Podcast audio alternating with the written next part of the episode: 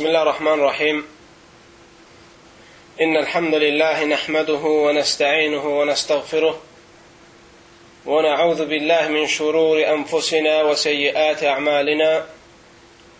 من يهده الله فلا مضل له ومن يضلل فلا هادي له. وأشهد أن لا إله إلا الله وحده لا شريك له وأشهد أن نبينا محمد وعلى آله وأصحابه ومن تبعهم بإحسان إلى يوم الدين. الحمد لله الذي هدانا لهذا وما كنا لنهتدي لولا أن هدانا الله. اللهم لك الحمد كله ولك الشكر كله على نيته وسره. اللهم أنت أهل أن تعبد اللهم أنت أهل أن تحمد إنك على كل شيء قدير. اللهم لا علم لنا الا ما علمتنا وعلمنا بما ينفعنا وزدنا علما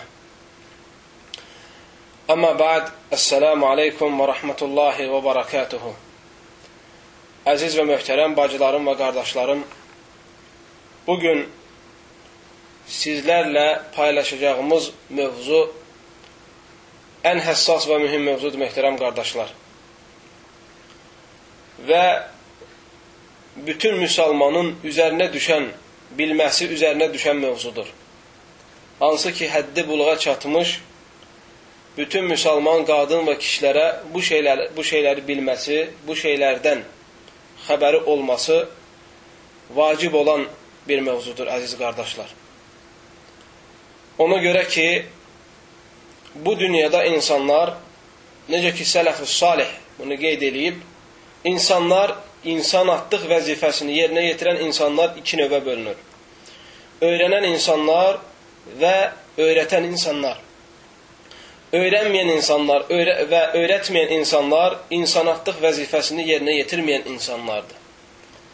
Necə ki, sələf-i salihdən gəlir, e, bəzi elm əhlindən deyir ki, dünyada yaşayan insanlar immə alimun əv mütəallimun fəqayruhuma fəhəməcun. Deyir ki, dünyada yaşayan insanlar vəzifəsini, insanatlıq vəzifəsini yerinə yetirən insanlar iki növə bölünür. Öyrənən və öyrətən, onlardan başqası isə e, vəzifəsini yerinə yetirmədiyinə görə həşərat növündən hesab olunur. Bu, həşərat növündən hesab olunur deyəndə möhtərəm qardaşlar, bu sözdə əsas ibrət cahilliyi pisləməkdir. Savadsızlığı, elmsizliyi pisləməkdir nəzərdə tutulan şeylər. Çünki savadsız insan, e, savadsız insanın mahiyyətinə baxsaq, savadsız insanın e, yəni ki, təsarrufatına və hərəkətlərinə diqqət etirsək, eynən elə görərik ki, bu ondan da uzaq deyil ki, ondakı bəzi təsarruflar eyni həşəratlarda olan təsarruflara bənzəyir. Hansı ki, məna yoxdur əslində onların bəzi danışıqlarında və hərəkətlərində. Ona görə bu başlanğıcla, əziz qardaşlar, hamımız e, nəzərə almalıyıq və diqqət yetirməliyik və bunu başa düşməyə çalışmalıyıq ki, insanatlıq vəzifəsini yerinə, yerinə yetirən insanlar iki bölmə bölünür. Ya öyrənənlər, ya da öyrətənlər.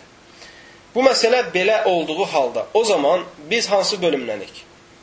Biz möhtərəm qardaşlar bu iki növün birindən də ola bilərik və hər iki növü əldə edənlərdən də ola bilərik. Ola bilər ki, bizim vəzifəmiz öyrənən olsun sadəcə, ola bilsin ki, bizim vəzifəmiz öyrədən olsun sadəcə. Və ola bilsin ki, hər iki sifətə də malik ola bilək. Ya həm öyrənənlərdən ola bilək, həm də öyrətənlərdən ola bilər. Və bu insanatlıq e, e, si, e, sifətini yerinə yetir, yetiriləsi ən kamil sifətdir. Ki, bir insan madəm ki, bu dünyada həyatda yaşayır, həm öyrənən növdən olsun, həm öyrədən növdən olsun. Və bu hər iki sifəti də özündə cəm etmiş olsun. Deməli, möhtərəm qardaşlar, burada ümumi şəkildə insanlar bu iki növə bölünür və nəzərdə tutulduqda, elm dedikdə insanların dünyasına və axirətinə fayda verici bütün elmlər nəzərdə tutulur. İstərsən şərii elmlər olsun, istərsən dünyavi elmlər olsun, həndəsə elmi olsun, iqtisadiyyat elmi olsun, tibb elmi olsun və yaxud başqa-başqa dünyavi, dünyavi elmlər e, növlərindən olsun. Ümumi şəkildə bunların hamısı elm növlərinə girir və şəriətdə bunların hamısının özəl yeri var. Və e, İslam dini öz mənsublarına və bütün e, müsəlmanlardan tələb edir ki, bütün onlara mənfəət gətirən nə elm varsa, onlar onun hamısını öyrənsin. Əgər hamı kütləvi şəkildə onu tərk eləyərsə, onda o zaman bütün müsəlmanlar günah daşıyır. Ona görə İslam dini rəğbətləndirir, həvəsləndirir ki, müsəlmanların səhvlərində, müsəlmanların arasında həkimlər olsun. İxtisas üzrə istər qadın həkimlər olsun, istər kişi həkimlər olsun. Mühəndislər olsun, müsəlmanların tikintiyə ehtiyacı var. Və eyni zamanda iqtisadiyyatçılar olsun ki, müsəlman cəmiyyətlərində mallar oğurlanıb, itirib və haqsız yerə xaçlanmasın və və gözəl və tələb olunan yerlərə sərf olunsun. Və İslam din tələb edir eyni zamanda başqa-başqa mühəndisləri, yəni kimsə e, məsələ müəyyən lazım olan, zəruri olan şeylər istihsal etmək məsələsində. Bunların hamısını İslam din tələb eləyir. Bütün müsəlmanlar tibb elmi tərk eləsələr, onda hər kəs, bütün müsəlmanın hamısı günah qazanır. Ona görə ehtiyacı e, gedərəsi bir şəkildə, ehtiyacı yerinə yetirəsi bir şəkildə bu və bu e, vəzifəni öhdəsinə alan müsəlmanlar lazımdır. Deməli, əziz qardaşlar, bugün insanlar çox səhv başa düşür ki, o zaman ki, düşünürlər ki, İslam dini sadəcə insanları e, həvəsləndirir və insanlardan tələb edir ki, sadəcə yəni ki, şəriət öyrənsinlər. Başqa dinlərə İslam dini, başqa elmlərə İslam dini əhəmiyyət vermir. Xeyr. Bunu sadəcə iki insan deyə bilər. Ya İslam dinindən xəbəri olmayan insan, ya da İslam dininə həsəd eləyən insan. Amma İslam dinini bilən insan və İslam dininə qarşı qəlbi açıq olan insan, yəni bilməyib də qəlbi açıq olsa ən azından o insanlardan bu sözün sadir olması, bu sözün e, meydana gəlməsi mümkün deyil. Ona görə əziz qardaşlar, əgər baxsaq bu texnologik dövrünə, bu e, texnologiyanın inkişaf elədiyi və geniş şəkildə yayıldığı bir dövrdə baxsaq, gör, diqqətlə bunu, bunu nəzərə alsaq görərik ki, bu elmin müəssisləri, bu elmi təşkil eləyənlər, bu elmin ustadlarının çoxsu İslama nisbət olunur. Demirəm hamısı, çoxsu İslama nisbət olunur. Tibb elminə baxsan, görərsən ki, İslam alimlərlə hesab olunur onun başçıları. Və, is, isla, və ilk dəfə operasiya elminin, e, e, elmin haqqında fən, bu fənni yazan İslama nisbət olunur. Və eyni zamanda xəritə və coğrafiya elminə baxsaq, görərik ki, bunun arxasında olan ilk dəfə İslam İslam alimlərinin İslama nisbət olanlar olub. Və eyni zamanda başqa dünyavi fəlsəfə elmlərini qoyan, hansı ki, fizikanı necə başa düşmək lazımdır, kimyanı necə başa düşmək lazımdır, cəbr və həndəsə elmləri necə başa düşmək lazımdır. Bunların əsas müəssislərinə baxsaq, görərik ki, onların hamısı İslama nisbət olublar.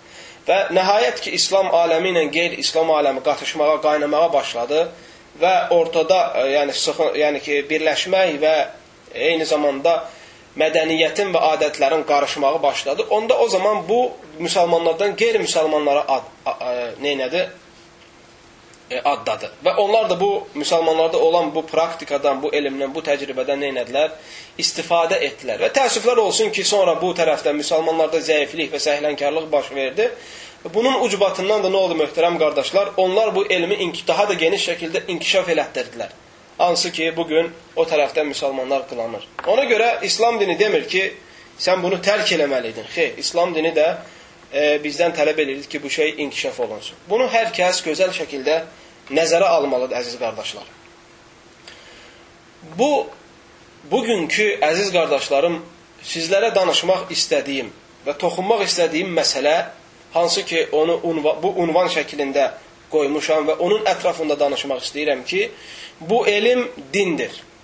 Bu elm dindir. Baxın dininizi kimdən götürürsünüz.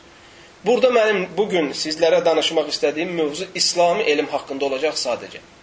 Dünyavi elmlərə toxunmayacağam və ona görə ki, bugün ən çox müsibət dünya İslami elmləri kimdən almalıyıq və yaxud kimdən almamalıyıq, bunun anlamında olan problem daha geniş oldu ona görə.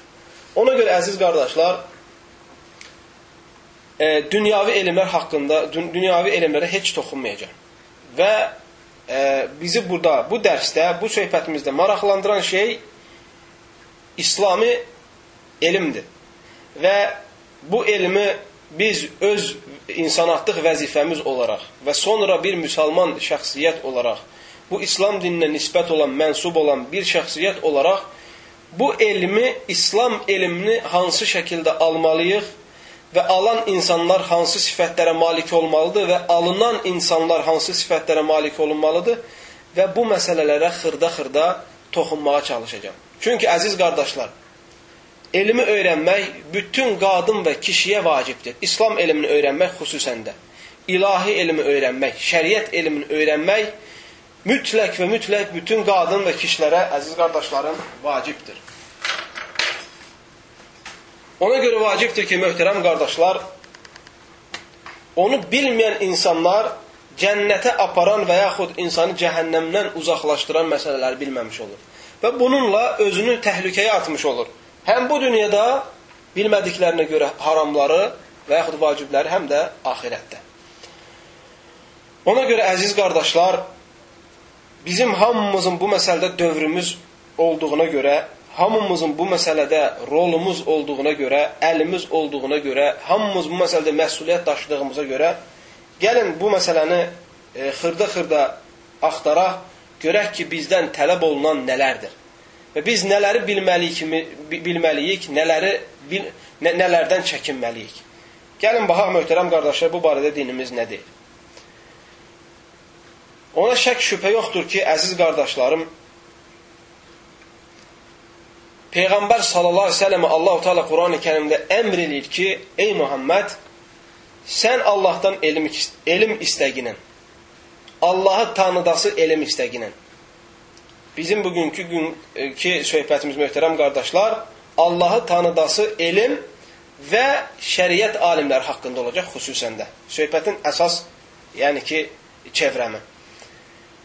Peyğəmbər sallallahu əleyhi və səlləmi möhtərəm qardaşlar Allah Teala yönəldir ki, Allah Tealadan elm istəsin və savadsızlıqdan Allaha sığınsın. Allah Teala Quran-ı Kərimdə buyurur möhtərəm qardaşlar: "Və qur rabbi zidni ilmə."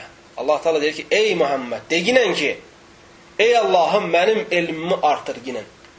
Çünki əziz qardaşlar, elmsiz insanı bəzi ağıl sahibləri qaranlıq gecədə sıx kolda, quyular olan bir kolda gəzən kör insana bənzədir. Və onu bu cür təsəvvür edirlər savadsız insan, elmsiz insanı. Xüsusən də şəriət elmlərində elmsiz insanı. Hara addımı atsa başına bir şey dəyəcək. Hara addımı atsa yıxılıb quyuya düşəcək. Hara getsə bir mane olacaq. Çıxış yolu onun üçün həmişə çətin olacaq. Ona görə savat mühüm şeydir.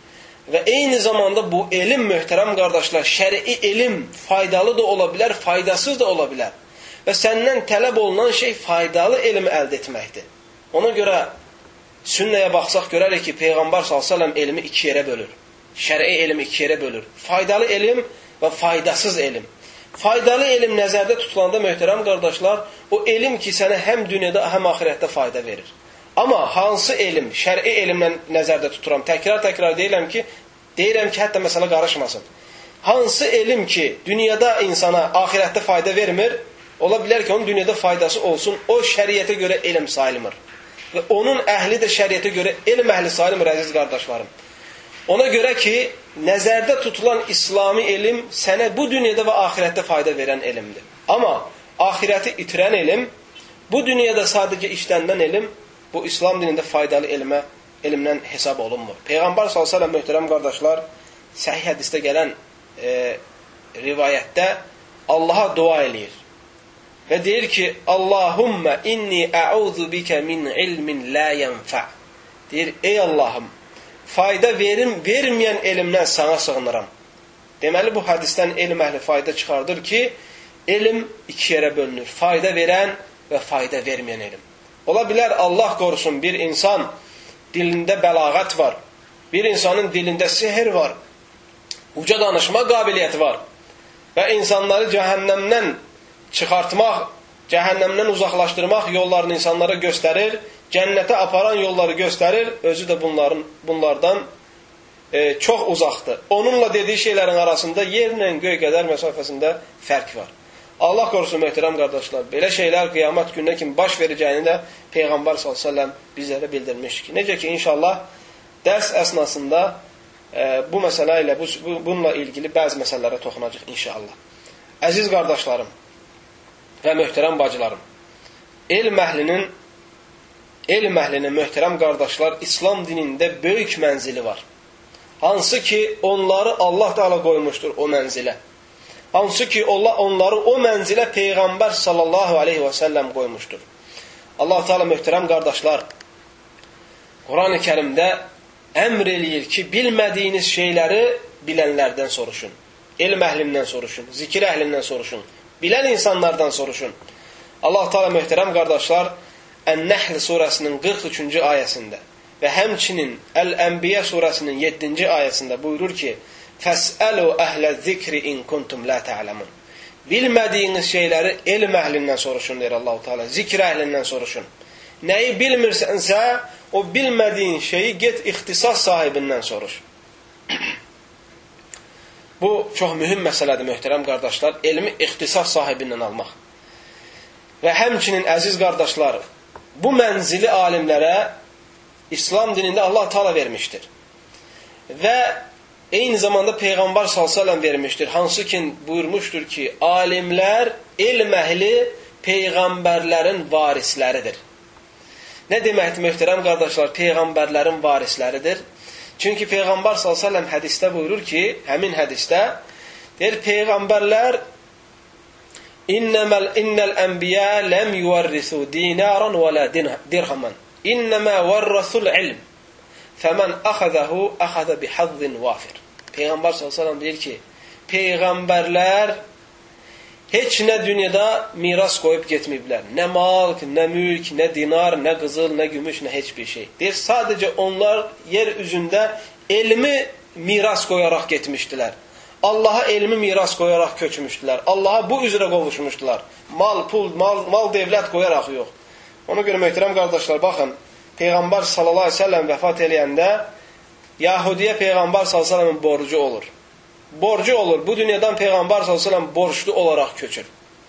Əgər Peyğəmbər s.ə.v kimlər ittiham eləyirsə, o şan şöhrət axtarırdı.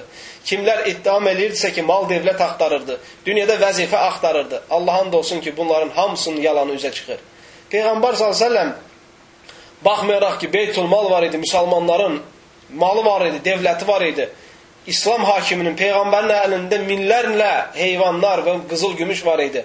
Onların hamısını İslamın və insanların xeyrinə sərf eləyirdi. Amma özünün mənfəətinə gəldikdə, baxın, Peyğəmbər s.ə.v vəfat edir möhtərəm qardaşlar, evində bir günlük yeməyin qutu olmur. Bir günlük yeməyin evində unu olmur. Və Peyğəmbər s.ə.v-in öz qalxanı Yahudidə görəv olur. Zalog qoyur Peyğəmbər s.ə.v və ondan nəsə yeməyə şey götürmüş olur. Osman radiyallahu anhu İslamda olan üçüncü xəlifə Peyğəmbər s.ə.v gedir borcunu öz şəxsi malı ilə ödəyir. Baxın möhtərəm qardaşlar, peyğəmbərlər heç vaxt dinar, dirham qoyub, mal dövlət qoyub getməyiblər. Hamısı bu dünyadan Allaha sadəcə e, yəni ki, malik olduğu e, xırda şeylərlə e, qovuşublar. Peyğəmbər sallallahu buyurur ki, ancaq der bizlər elm qoyub gedirik və kim bu elmdən alarsa böyük paya nail olmuşdur. Böyük xeyir əldə eləmişdir.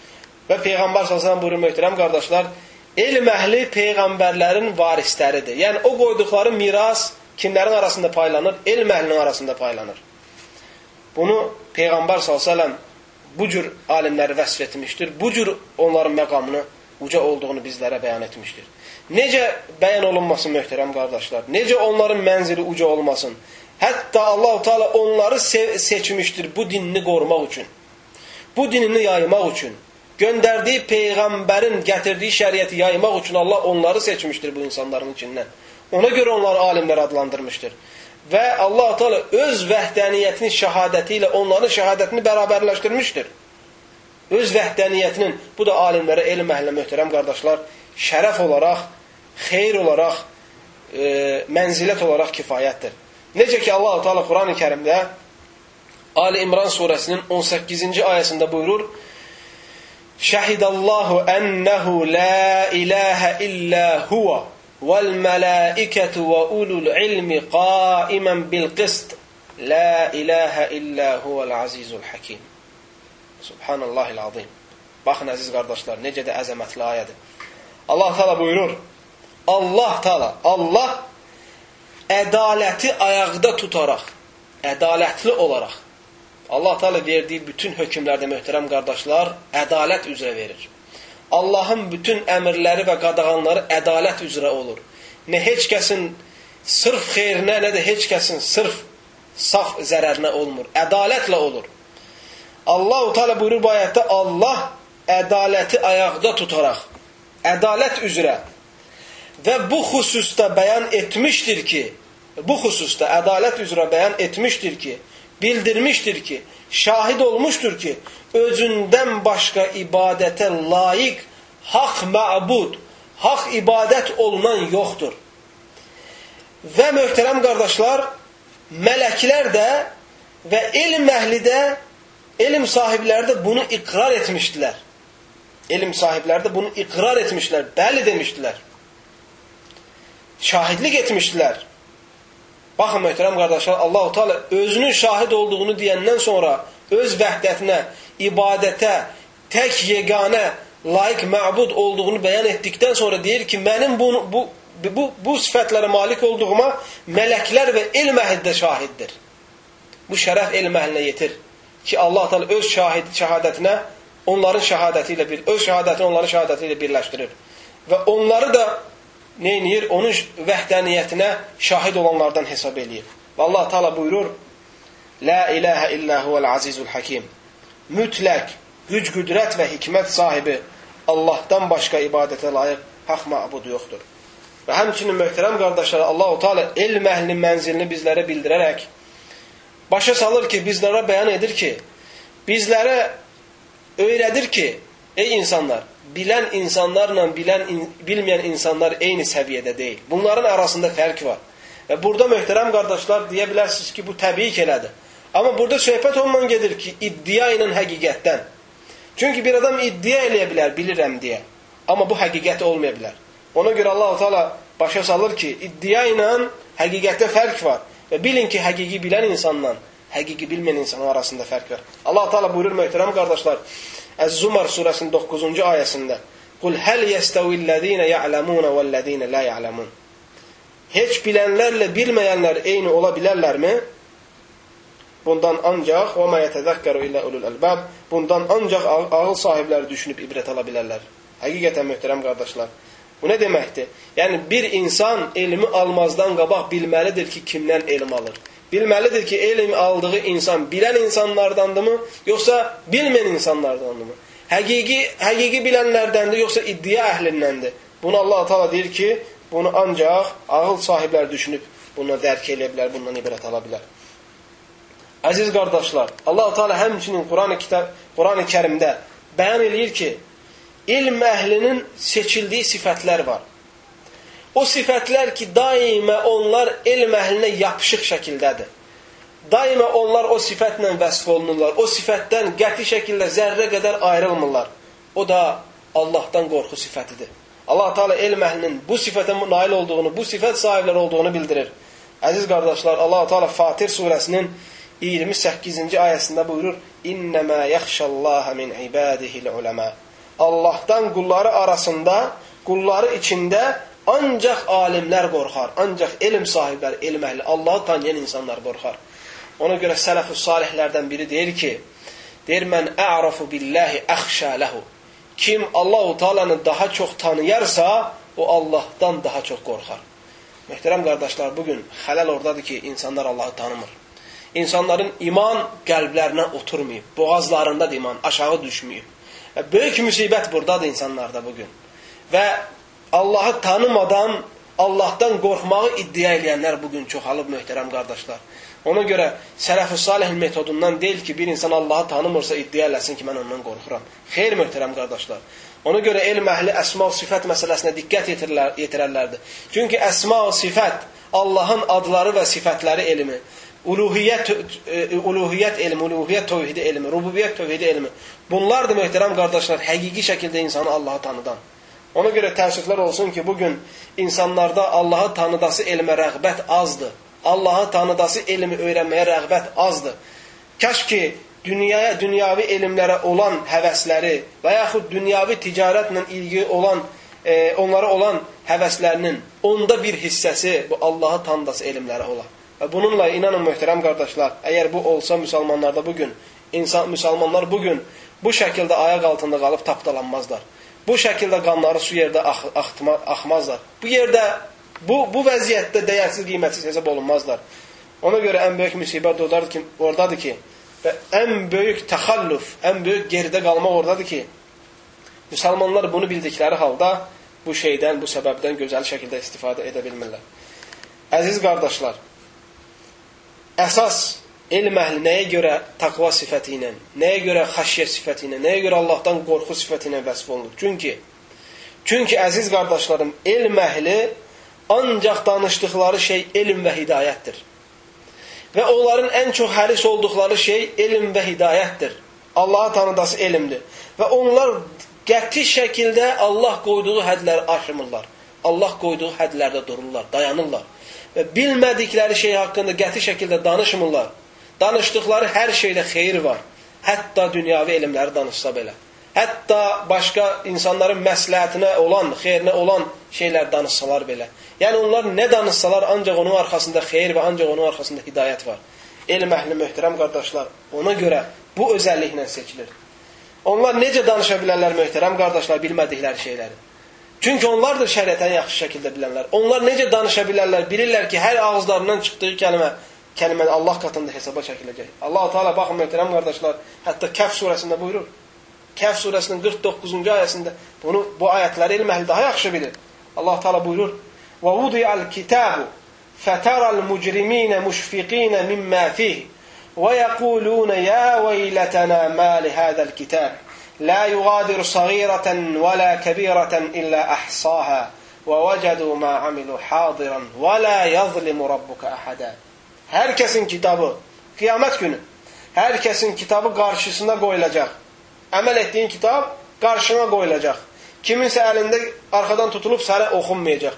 Kitabın qarşına qoyacaq, qoyulacaq, özün səhifəliyib içində nə var özün özün biləcəksən.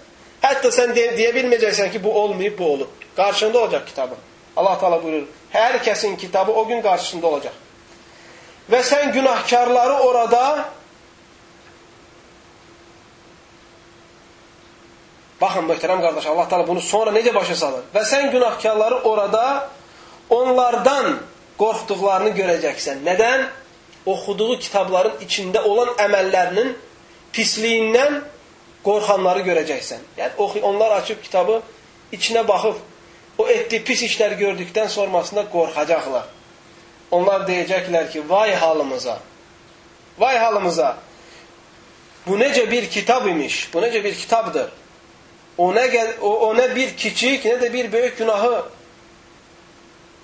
bırakmadan hamısının sayıp yazmıştır. Hiç zerre kadar günahı terk eləməmişdir. Ettiğin her büyük ve küçük emel yazmıştır. Hatta bu dünyada unutmuş olduğun emeller olacak. Ama o kitap sana hatırlatacak o emelleri. Ve inkar da bilmeyeceksen. Gözün qabağında olacak onların hamısı sana gösterilecek. Onlar ettikleri emeller öz karşılarında görecekler. Rəbbin heç kəsə zülm etməz, heç kəsə haqqısı, haqsızlıq etməz.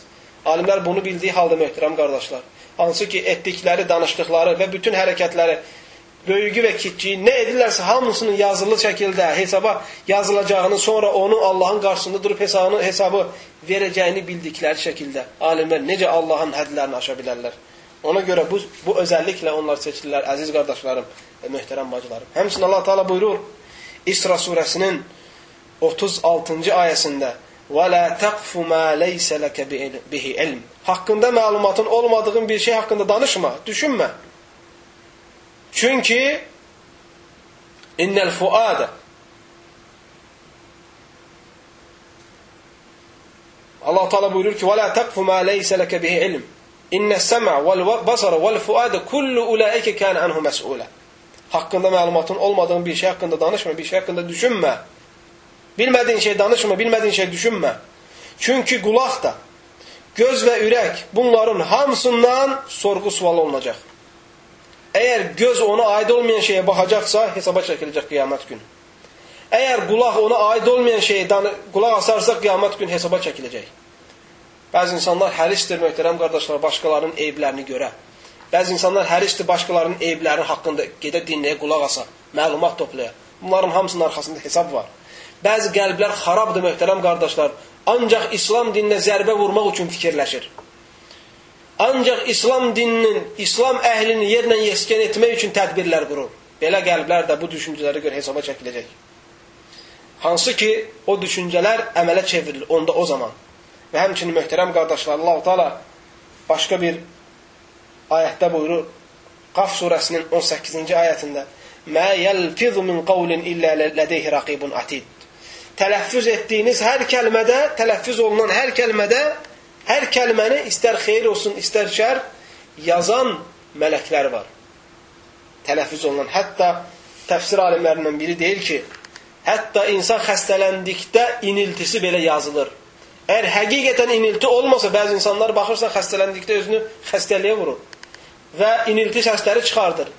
Və hətta bu iniltisi onun yalan olarsa, onun da hesabı çəkiləcək deyir bəzi təfsir alimləri. Bu ayətin şərhində. İbn Kətir rəhməhullahın təfsirinə baxın inşallah. Nə deməkdir əziz qardaşlarım? Bu elm əhli bunu bildiyinə, bu, bu, bu bunları bildiklərinə görə ən çox dillərini qoruyanlar olardı. Amma bu gün dilini metro yarım uzadıb və nəyə gəldi danışıb kimə gəldi dil atmaq bu elm əhlinin sifətindən deyil. Necə ki, inşallah dərs əsnasında o məsələlərə inşallah toxunacaq. Amma əziz qardaşlar, təəssüflər olsun ki, min dəfə təəssüflər olsun ki, bugün elm qapılarına şığayanlar çoxdur. Elm qapılarına hücum eləyənlər çoxdur. Elm əhlinin paltarını geyinib əmmamələrini taxanlar çoxdur. Və bu qapıdan möhtərəm qardaşlar bugün ona layiq, ona uyğun, ona layiq olmayan şəxslər keçməkdədir. Ona görə bu məsələnin əhəmiyyəti burada bilinir ki, məsələ çox təhlükəlidir, müsəlman gözü açıq olmalıdır ki, hətta hətta faydası verməyən vaxt peşmançılıq çəkməsin. Ona görə bugün möhtərəm qardaşlar, bəzi xəbər vasitələrində görürük, istər internet səhifələrində, istər qəzetlərdə, jurnallarda və televiz e, televizor xəbərlərində və proqramlarında görürük ki, bugün möhtərəm qardaşlar dialoq masalarının, masalarının üstündə çoxsu oturub dinlə danışır. Və görürsən ortaya bir şəri məsələ artır, atılır, bir dini mə məsələ artırır və hər kəs başlayır o masanın ətrafında oturan, stulun ar arxasında oturan hər kəs başlayır danışmağa. Və hə, halbuki baxsan görərsən ki, o məsələ haqqında heç biri gedib dərinliklə axtarış eləməyib. Heç biri onun dərinliyinə getməyib, axtarış eləməyib. Amma hamısı oturub danışır. Bəlkə də görürsən ki, o İslamda mühüm məsələlərdəndir.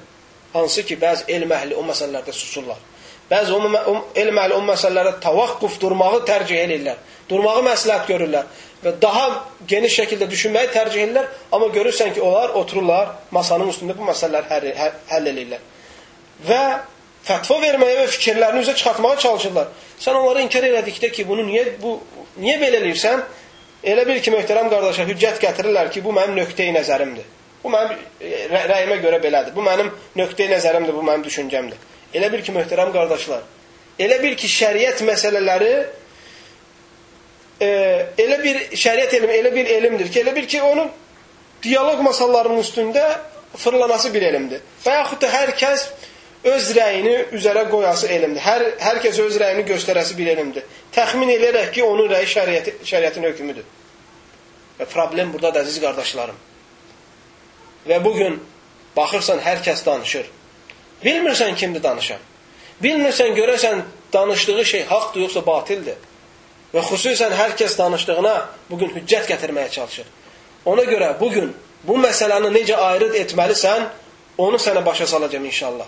O məsələni bərabər başa düşməyə çalışacaq möhtərəm qardaşlar. Ki, biz necə ayrıd edə bilərik ki, o, danış o danışan adam buna layiqdir, yoxsa yox. Və yaxud ona, o danışdığı şey haqdır, yoxsa batildir. İnşallah bunu bizlərə bilməyimizə rahatlaşdıran sizlərə bəzi qaydalar deyəcəm.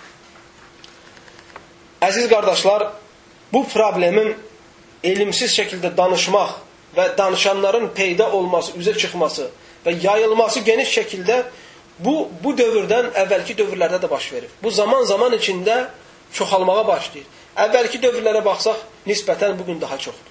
Ona görə İbn Rəcəb rəhməhullah bu məsələdən geniş şəkildə şikayət edir. İbn Rəcəb bu məsələnin öz dövründən danışır İbn Rəcəb rahmehullah və bu məsələnin təhlükəli məsələ olduğunu bildirir və deyir ki, misal çəkir ki, hətta müsəlmanlar daha geniş başa düşsün. Deyir, əgər bir insan gəlib bugün tanımadığımız bir adam, görmədiyimiz bir adam, haqqında xəbərimiz olmadığı bir adam gəlib iddia eləsə ki, bu böyük bir zavod sahibidir böyük bir sənaye sahibidir və onun içində böyük alətlər var və bunu buna nə etmək lazımdır? Buna sponsor tapmaq lazımdır. Bu işi görmək lazımdır, mal lazımdır. Deyir, insanlar onu tanımasalar, onun zavodunu gedib görməsələr, onun zavodunun içindəkiləri iddia etdiyi alətləri görməsələr, dedi, heç kəs ona sponsorluq etməz. Heç kəs ona mal, mülk buraxmaz ki, bu adamın işi iləri getsin. Və yaxud da heç kəs onu dəstəkləməz. Nəyə görə? Çünki tanımırlar və dediyi zavoddan xəbərləri yoxdur və eyni zamanda o dediyi sənaye alətlərində görə bilmirlər. Deyir ki, əgər bu bir dünyavi bir şeydə insanların halı budursa, sən necə dinini başqa insanlara havalə eləyib güvənə bilərsən? Sən necə bugün bir insan onda elm olduğunu və bu şeydə haqq olduğunu və bu şeyi ancaq o bildiyini iddia edirsə, sən onu tanımırsansa, onun kim olduğunu bilmirsənsə, sən ondan deyir, necə elm ala bilərsən? Baxın, möhtərəm qardaşlar, elm əhli bu məsələni belə təsəvvür edir. Deyirsən, bilmirsən, o Peyğəmbər s.ə.v-in ilgili elm alıb yoxsa yox. Allahın kitabını bilir yoxsa yox. Elm əhlinin oturub yoxsa yox. Sən belə tanımadığın bir insandan necə elm ala bilərsən? Və burada möhtərəm qardaşlar, sizləri bir həssas bir məsələyə yəni ki, yönəltmək istəyirəm. Həssas bir məsələyə toxunmanızı və nəzərinizə, nəzərinizə almağını istəyirəm. O da bugün internet arxalarında danışan insanlar. Hansı ki, otururlar, maşallah, tabarakallah, sağdan, soldan və onun dərsində oturan çox insanlar onun haqqında məlumatı olmur. Və bu zaman müsibət başlayır, möhtərəm qardaşlar. Çünki bu vəzifə uyğun olur o. Bu vəzifə uyğun olur. Hansı ki, sən onu bilmirsən, kimdir? Ona görə möhtərəm qardaşlar, soruşmaq lazımdır. Axtarmaq lazımdır ki, hətta xata eləməyəsən. Hətta qəlbini salamat saxlayasan. Hətta qəlbinə ləkə girməyə. Çünki möhtərəm qardaşlar, ləkədən qorunmaq daha rahatdır ləkəni gedirtməkdən. Ləkədən, ləkəni gedirtmək çətindir. Ona görə elm əhli hətta deyir ki, tibb elmində belə bir qayda var ki, Deyir ki, xəstəlikdən qorunmaq müalicədən qabaqdır. Müalicədən daha üstündür. Ona görə sən çalış qəlbini qoru yenə. Qəlbini xəstəliklərdən qoru. Sən demə ki, mənim qəlbim salamatdır, problem deyil. Xeyr. Qəlbinə ləkə gələ bilər, şübhə gələ bilər və sonra əziyyət çəkərsən. Və ona görə əziz qardaşlarım, e, bu məsələyə diqqət yetirmək lazımdır. Və sizləri mən sizlərə bütövlüklə tövsiyə edirəm ki, bu məsələdə elm əhlə çox qaydın. Və elm əhlinin dediyi rəylərə fikir verin. Və elm əhlinin qoyduğu qaydalara e, nəzər salın. Və İmam Şafi rəhməhullah Risalə kitabına baxın.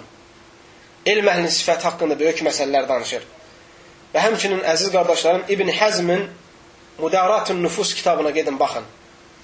Və həmçinin möhtərəm qardaşlar Şeyxülislam İbn Teymiyənin kitablarını oxuyun. İbn Qaymin kitablarına nəzər salın. Xüsusən də İbn Teymiyənin Böyük Fətvalar kitabının ikinci cildinə baxın. Haradasa 90-cı səhifədən 100-cü səhifəyə kimi. Və həmçinin fətvalar toplantı kitabına baxın. 22-ci cildinin 240-cı səhifəsi. Həmçinin 22-ci cildinin 227-ci səhifədən yuxarı. Bunların hamısında Şeyx İslam ibn Teymiyyə möhtərəm qardaşlar bu məsələlərlə ilgili geniş məlumatlar verir. Hətta Şeyx İslam ibn Teymiyyə e, Böyük Fətvalar kitabının 2-ci cildinin 98-ci səhifəsində buyurur ki: Deyir ki: "Və la yahillu li ahadin an yetəkəlləmə fi'd-din bilə ilm." Deyir, heç kəsə halal deyil heç kəsə halal deyil ki, bu dində bilmədiyi şey haqqında danışsın. Və la yu'inu men təkəlləmə fid-din bilə ilm. Və heç kəsə halal deyil ki, elmsiz danışan insana dəstək olsun. Ona getsin, kömək eləsin. Ona da o da olmaz möhtərəm qardaşlar. Bidət əhlinə dəstək də olma, etmək olmaz. Amma mən sizə onu ona toxunmağa çalışacağam ki, bidət əhli dedikdə kiminsə nəzərinə görəmi bidət əhlidir, yoxsa həqiqətə görən bidət əhlidir? Çünki bu gün bu məsələdə genişlənib. Kim kimə gəldi bidət əhlidir. Kim kimə gəldi tən eləyir, kim kimə gəldi şəxsiyyətini aşağılama, aşağıla, aşağılamağa çalışır. Bu, bu, bunların hamısı iddia üzrə qurularsa bu nəzərə alınmır möhtərəm qardaşlar. Ha, ha, Tabii ki, mən bunu sizə keçən dərslərdə dedim ki, bunun ən baş səbəbi təqliddir. Bugün baxırsan bir adama təqlid eləyirlər, hansı ki, onu görürlər sadəcə doğru rəy sahibi. Onu görürlər sadəcə e, sələf-i salihin yolunda olan. O bir adama dil atdısa qutardı getdi. Hər kəs onu zəlalı təhli görür. Bu doğru deyil möhtərəm qardaşlar. Əgər kör-körana kiməsə sən təassub eləyərsənsə, kiminsə təqlid eləyərsən kör-körana, ağzına yüyən salınmış at kimi dalına düşüb gedərsənsə, onda o zaman sən böyük xatalar elərsən. Və başqa insanların haqqına girərsən. Və əksinə elmi yayılmağının qarşısını alarsan.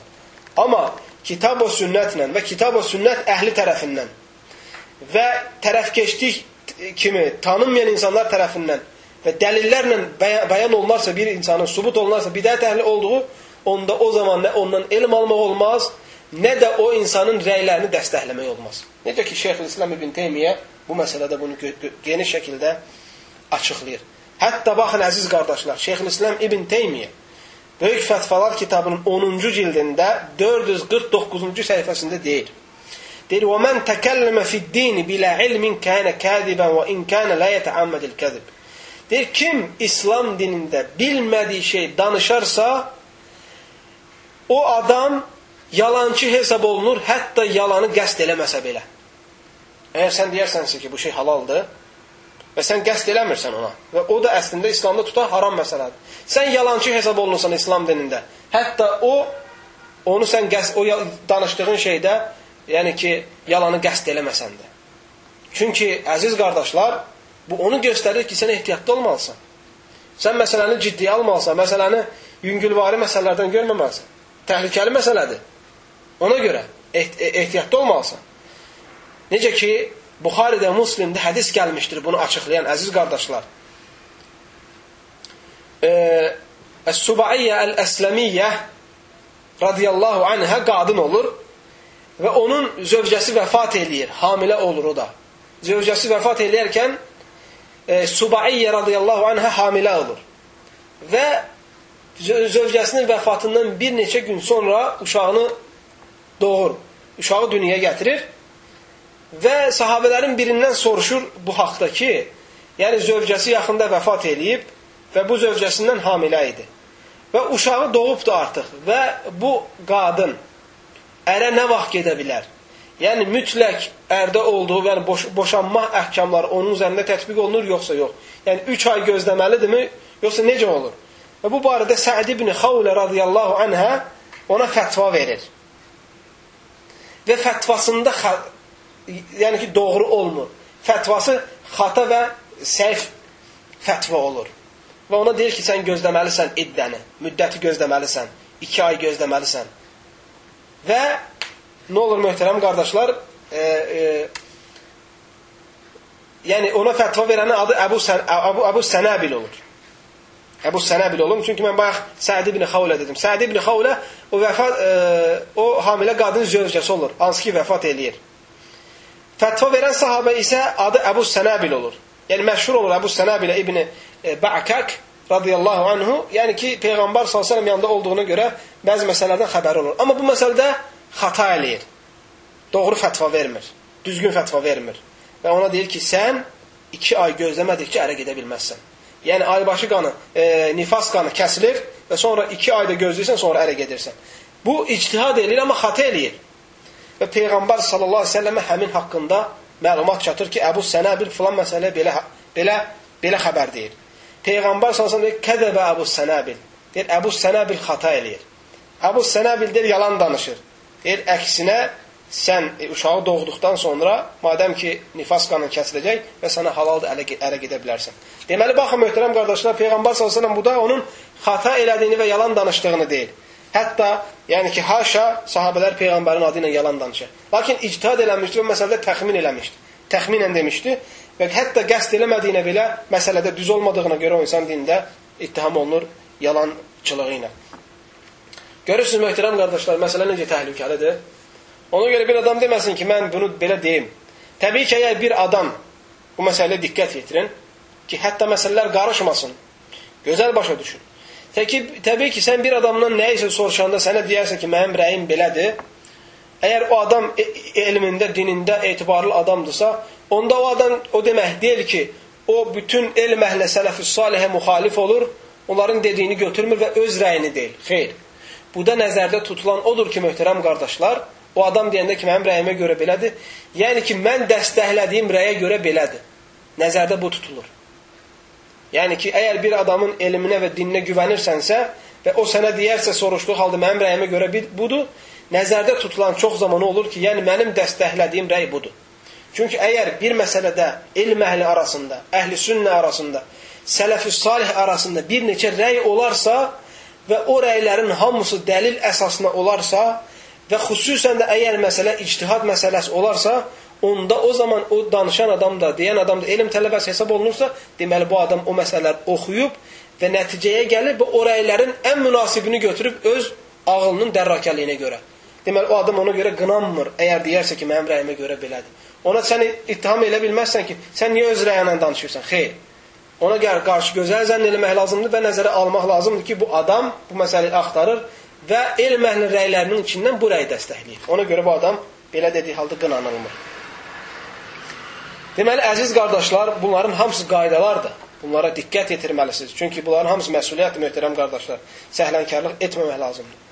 Deməli, ona görə biz bu müqəddimə hamısı onu başa salır ki, əziz qardaşlarım, bil, biz, biz nəyi bilməliyik? Biz onu bilməliyik ki, hə? elmlə danışmağın haqqına kim malikdir? Elmlə danışmağın, mən Allahın adı ilə danışıram deyən insan hansı haqqa malik olmalıdır? Hansı sifətə malik olmalıdır? Bunu öyrənməyə çalışırıq biz bugün. Və xüsusən əziz qardaşlar, açıq-aşkar hədislər gəlmişdi və Peyğəmbər s.ə.v bizə zəlalət əhli, zəlalət imamlarının olduğunu başa salmışdı. Və Peyğəmbər s.ə.v bizə bəyan eləmişdir ki, qiyamət gününə yaxın, axır zamanlarda bir dəstə imamlar olacaq, başçılar olacaq insanların qabağında öndərlik eləyən, qabaqda duran insanlar olacaq. Və onlar zəlalət əhli olacaq. Və belə insanların peyda olacağını Peyğəmbər sallallahu bizə bəyan eləyib. Ona görə qorxuludur məsələ. Biz ondan qorunmaq üçün baxmalıyıq. Peyğəmbər sallallahu əleyhi və səlləm möhtərəm qardaşlar səhih hədisdə buyurur. Səyəti alən-nasi sənəvatun xədda'at yusaddaqu fihəl-kadib ويكذب فيها الصادق ويؤتمن فيها الخائن ويخون فيها المؤتمن وينطق الرويبضة قالوا وما الرويبضة قال الرجل التافه yetekellemu fi emril amme. Bu hadisi İmam İbn Mace rivayet edir. Möhtərəm qardaşlar, hədisin rəqəmi 4026 nömrəli hədisdir.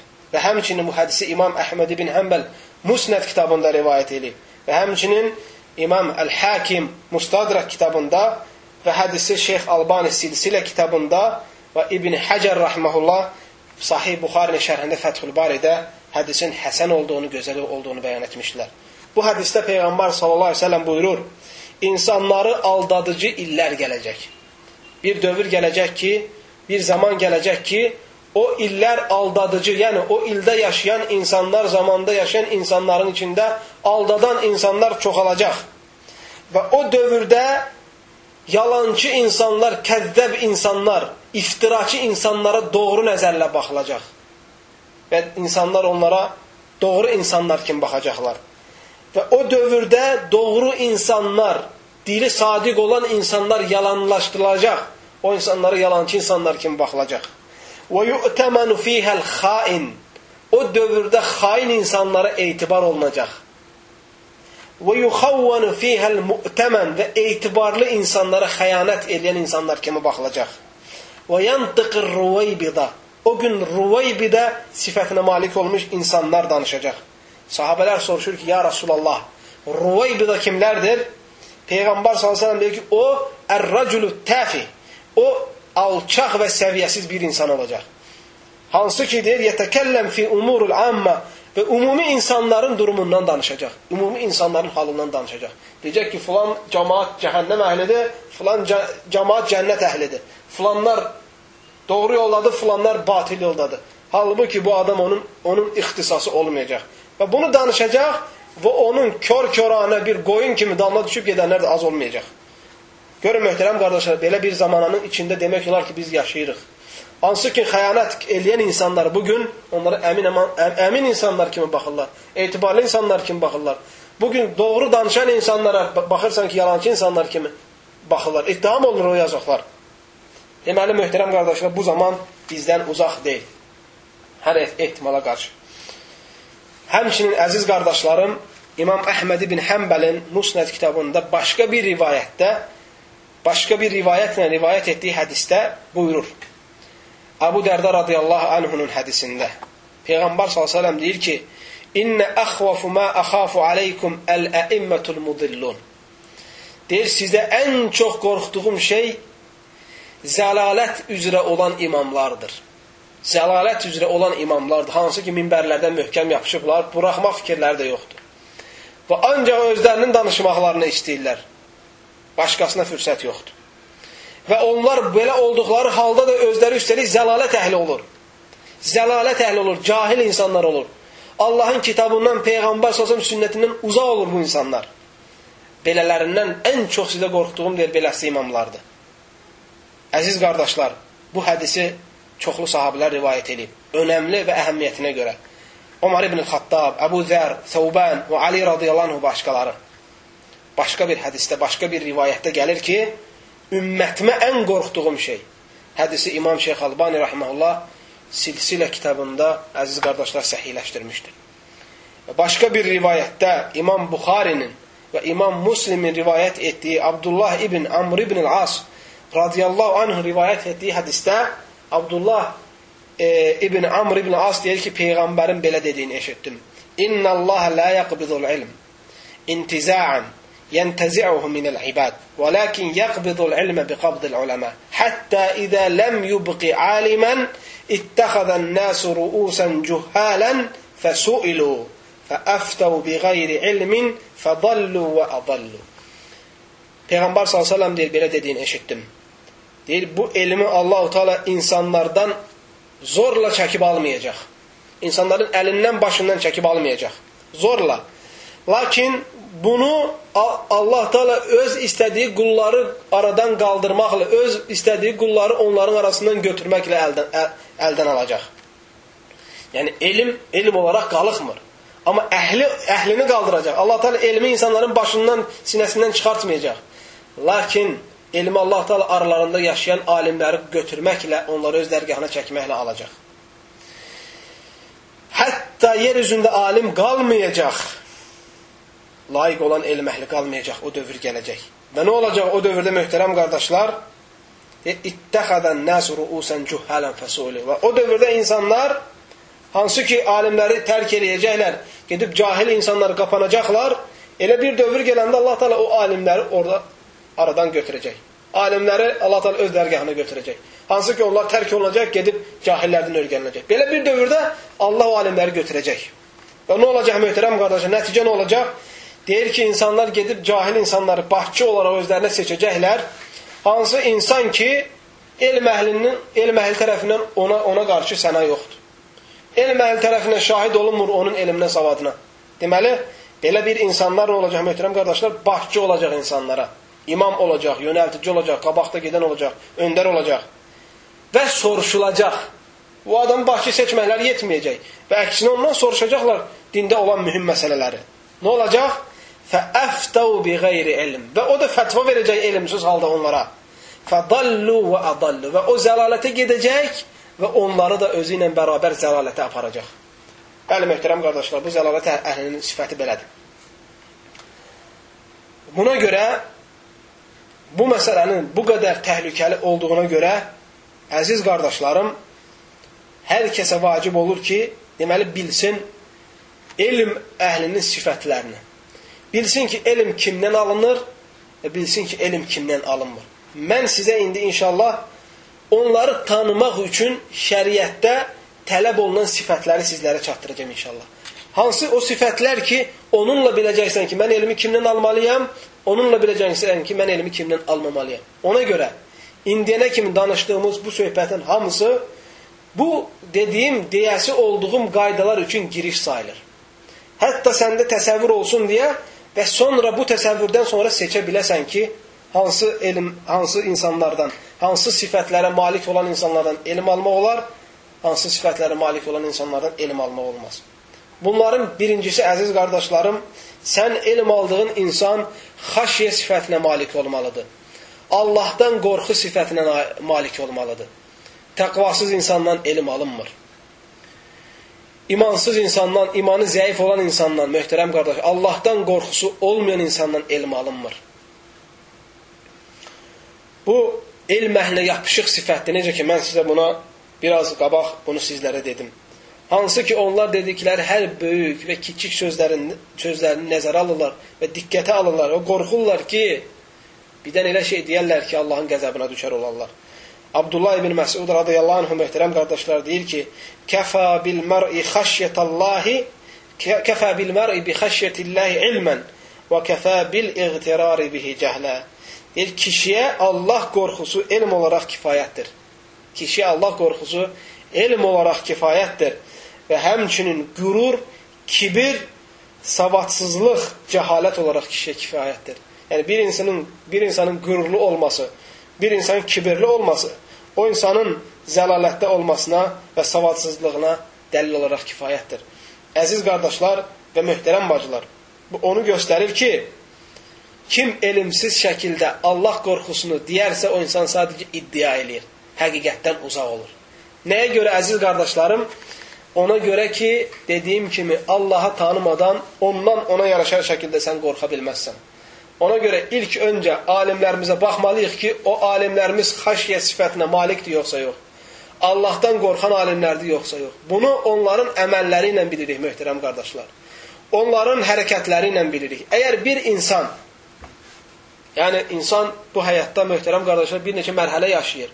Yəni birbaşa anadan doğulanda alim doğulmur və yaxud 70 yaşında doğulmur. İnsan doğulur ki, 9 ayından sonra, bundan qabaq da ola bilər, sonra da ola bilər. Önəmli olan odur ki, bu vaxtları doğulur uşaqlıq hal keçirir, cavanlıq hal keçirir, əhlənmə hal keçirir, sonra qocalıq hal keçirir. Deməli, bu, bir insanın alim, alim olması üçün insanın hal-hazırda olduğu vəziyyətə baxılır, əvvəlinə baxılmır adamın. Yəni ki, əvvəlinə nə mənada baxılmır? Məsələn, tutaq ki, bir insan 20 yaşında, 30 yaşında bir insan oğurluqla məşğul olubsa, və bir insan 20 yaşında, 30 yaşında e, içki içibsə, içki içməklə məşğul olubsa və yaxud da e, başqa əqidəyə və yaxud e, mədəniyyətə, şəxsiyyətə xələl gətirən şeylərə məşğul olubsa, bu o demək deyil ki, o insan o, yəni ki, e, 60 yaşında, 70 yaşında və yaxud da bu insan o şeylərin hamısını tərk edib İslama qapandıqdan sonra o insan alim ola bilməz. Bu edəm, o demək deyil, möhtərəm qardaşlar. Hətta sahabələrin çoxsuna baxsaq, əvvəlləri nə olub, baxın, axırları nə olub. Əvvəllərdə müşrik və cahil, dinsiz olublar, sonra alim olublar və Allahın dini yayan insanlar olublar.